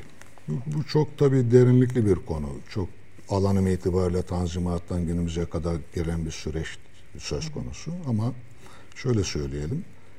Benim özellikle 90'lı yıllardan itibaren tanıdığım ve e, hasbelkader kendime göre ufkumun açılmasına sebebiyet veren önemli bir yazar vardır. Terry Eagleton.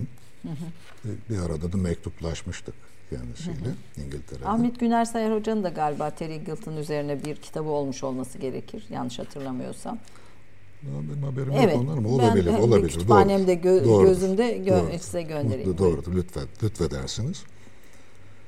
Şimdi onu okuduktan sonra o bir e, Edebiyat Kuramı adlı kitabında ilk onu okumuştum 90'lı yıllarda. En basit bir aşk şiirinde bile siyaset vardır der. Siyasetin olmadığı hiçbir yer yoktur. Ama bu sizin siyasete yüklediğiniz anlamla Bağlantılı, bağlantılı bir bir durumdur. Dolayısıyla biz de edebiyat aslında modernleşme sürecinde, tanzimattan sonraki süreçte toplumsal değişimin temel dinamiklerinden bir tanesi olmuş. Yani toplumu değiştirip dönüştürmeye dönük işlev görmüştür. Ee, Asıl dikkat ettiğim nokta odur. Yani bir başka çalışmamda o devam ediyor bir şekilde. Edebiyatın siyasal işlevidir şeyde. Modernleşme sürecinde Türk edebiyatının siyasal işlevi. Ne iş gördü? Neye yaradı bu filan diye baktığımızda. Şimdi doğal olarak mesela Tanzimat'tan sonra özellikle bizdeki ilk telif romanlardan itibaren roman ve edebiyat daha geniş anlamda aslında bizim toplumumuzda dinin normatif işlevini simüle etmeye başlıyor ve romanlar bütün şeylerde e, Anadolu'nun her yerine yavaş yavaş sızmaya başlıyor. Ve Ahmet Mithat'tan hatırlarsınız siz de o hikayeden maksat der, ahlaka ve maneviyata yol açmaktır. Hikayeden maksat budur der. Ve edebiyat dinin o işlevini e, bir anlamda simüle etmeye başlıyor. Ondan sonra tabii edebiyatın işlevi nedir sorusu gündeme gelecek. İşlevi yoktur çünkü sonsuz işlevi vardır bir anlamda. Yani şöyle diyelim kapat son cümle olarak vaktimiz ne kadar var bilmiyorum ama yani. Ben tabii burada te, mesela Şimdi, Tevfik Fikret'in Haluk'unu e, yani aslında her şey yeni insan oluşturmaya e, evet. matuf bir edebiyat tımız var. Siz de bu çerçeveyi çok iyi çiziyorsunuz. Yani bir taraftan yeni insan oluştururken de Batı'nın bu din karşıtlığı, din, dine yönelttiği eleştiriyi bizimkiler dine yöneltmeyip dinin e, toplum üstündeki etkisini azaltmaya e, doğru bir e, doğru, doğru. şey izlediler, rota izlediler evet. diyorsunuz Türk evet. edebiyatçıları için. Burada Tevfik Fikret bir Haluk'ta ideal insanını belki şey yapıyor. İşte e, Mehmet Akif'in Asım Asım'ı var. E, ondan sonra e, Ziya Gökalp'in Güzideleri, Güzideleri var. Ve hepsi bir yani yeni insan ara, evet. arayışının da bir unsuru. İşte yeni evet. Türkiye, yeni toplum ve yeni insan. Biraz buradan da bir kısa özet yaparsanız bir beş dakikamız var. Tabii. Şimdi aslında e, yani 19. yüzyıl özellikle ikinci meşrutiyetten sonraki süreç Cumhuriyet'in kurulduğu zamana kadar bir savaş sürecidir malumunuz. Ee, Batı karşısında son 300 yıldır gerileyen hani Osmanlı'nın gerileme dönemi bahsedilir ya kategorize edildiği zaman ikinci meşrutiyetten sonraki süreç tam bir felaket sürecidir yani. O sırada yeni yeni bir medeniyet tartışması çok aslında tanzimatla başlıyor. Batıya gönderilen öğrencilerin batıdaki o gelişmişlik düzeyini görüp kendi ülkeleriyle mukayese etmesinden ortaya çıkan bir e, şey bu durum. Bu şu netice itibariyle Batı ileri, Doğu geri. Yani e, Mehmet Akif de Asım'ını batıya gönderiyor. Tabii. Ziya Gökalp de Güzidesini batıya gönderiyor. Tevfik Fikret de Haluk'unu batıya, batıya gönderiyor. gönderiyor. Herkes batıya gönderiyor. Batıya gönderiyor. Çünkü batı gelişmiş. Mesela Namık Kemal'in terakki makalesinden tutarsanız e, batılılaşma dediğimiz şey aslında bir doktriner, bir fikir akımı değildir. Yani bunu Peyami Safa Türk İnkılabı'na bakışlarında güzel bir şekilde ifade eder. Batılılaşma der bizde garplılaşma. İşte medeni ihtiyaçların sezin, sezilmesinden doğan bir terakki iştiyakıdır. ifadesi böyle tam olarak zannediyorum. Yanlış aktarmadıysam. Şimdi dolayısıyla batıya gönderiliyor. Batıdan ilmin ışığını almak ama şurada insaflı olmak lazım biraz. Biz tabii Fikret Akif kamplaşması, Necip Fazıl, Nazım Hikmet kamplaşması üzerinden okumaya çok teşneyizdir. Bu tür şu magazinel şeyler hoşumuza gider. Öyle değil mesela.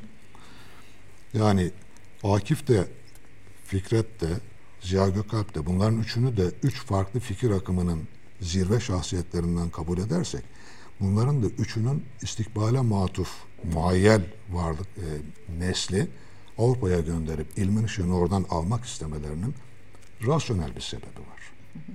Yani o batının gelişmiş olması ve bizim Geri perişan kalmış. olmamız. Ziya Paşa ta 1870'lerde söylüyor malumunuz. Diyarı küfrü gezdim, beldeler, kaşhaneler gördüm. Dolaş, dolaştım mülki İslam'ı, bütün viraneler gördüm diyor mesela. Evet. Kaşhane ve virane karşılaşması evet. zaten. Tabii. O devam eden bir süreç. Dolayısıyla e, batıya göndermeleri, ilmin ışığını oradan almaları önemli bir, hepsi farklı farklı, inanç dünyaları farklı olan insanlar olmakla beraber amaçları bir. Yani ülkeyi refah seviyesini, standartını yükseltmek ve batı toplumları gibi olmak. Bunu mesela Max Nord'u, pardon Tarde, Tarde, Engelhardt affedersiniz. Engelhardt'ın Türkiye ve Tanzimat diye 1910'da yazdığı güzel bir kitap vardır. Bugün de var piyasada orada söylüyor zaten. Yani bütün bu modernleşme sürecinin temel amacı ifade gerçi başka yerlere çekilebilir belki ama Müslüman Osmanlı toplumunu her bakımdan Hristiyan Avrupa toplumuna yaklaştırmaktı diyor. Şimdi Müslüman ve Hristiyanlığı kaldıralım oradan. Şöyle diyelim. Bütün bu e, sürecin asıl amacı Osmanlı toplumunu Batı toplumuna yaklaştırmaktı diyelim. Çünkü hakikaten bu iki işte medeniyetler çatışması, Hristiyanlık, İslamlık çatışması vesaire onlar çok derin konular. Şimdi, Başar beni. Fakat bu yaklaştırmada İslamcılar da e, işte solcular da diyeyim veya Marksistler de e, veya milliyetçiler de üçü de aynı yöntemi kullanıyor. Aynı yöntemi kullanıyor. Ve hepsinin de Yani bu ideolojik kamplaşmaların e, bu anlamda çok da anlamı kalmıyor burada kalmıyor. aslında. Ve özellikle de çok doğru söylediğiniz istekleri de şu. Mesela Akif'te de, Ziya Gökalp'te de, Ömer Seyfettin'de de fark etmez. Ee, hepsinde, Fikret'te de keza öyle. Kendi değerlerimiz üzerinden batılılaşmak. Yani batının değerlerini almak, ithal etmek değil, kendi değerlerimiz üzerinden batılılaşmak. Fakat arada o kadar farklı söylemler var ki adam gazetede açık açık yazıyor. Diyor ki Batı'nın çok özür dilerim ifade ona ait olduğu için nakledeyim. Kaba bir ifade ama Batı'nın bağırsaklarındaki pisliklere varıncaya kadar her şeyi almamız lazım. Bunu diyen kim? Ee, gazetedeki yazılardan bir tanesi ama şimdi birden Tamam, çıkaramadım. Yani net olarak orada var. Yazıların bir tanesinde kullanmışım. K inisyalli birisi ama kim olduğunu bilemiyorum.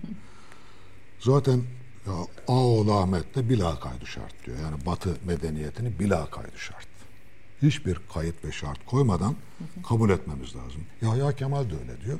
Medeniyet bir küldür diyor mesela. Bir bütündür. Hepsini almak durumundayız. İşte ilmini alalım da diğer şeylerini evet. bırakalım olmuyor diyor. Bunu Niyazi Berkes de söyler. Evet. Ya şey de söyler. İlmi Ziya Ülken de söyler. Türk düşüncesini inşa eden İnşa isimler edilen bunlar. isimler de bunlar da söyler yani böyle bir durum.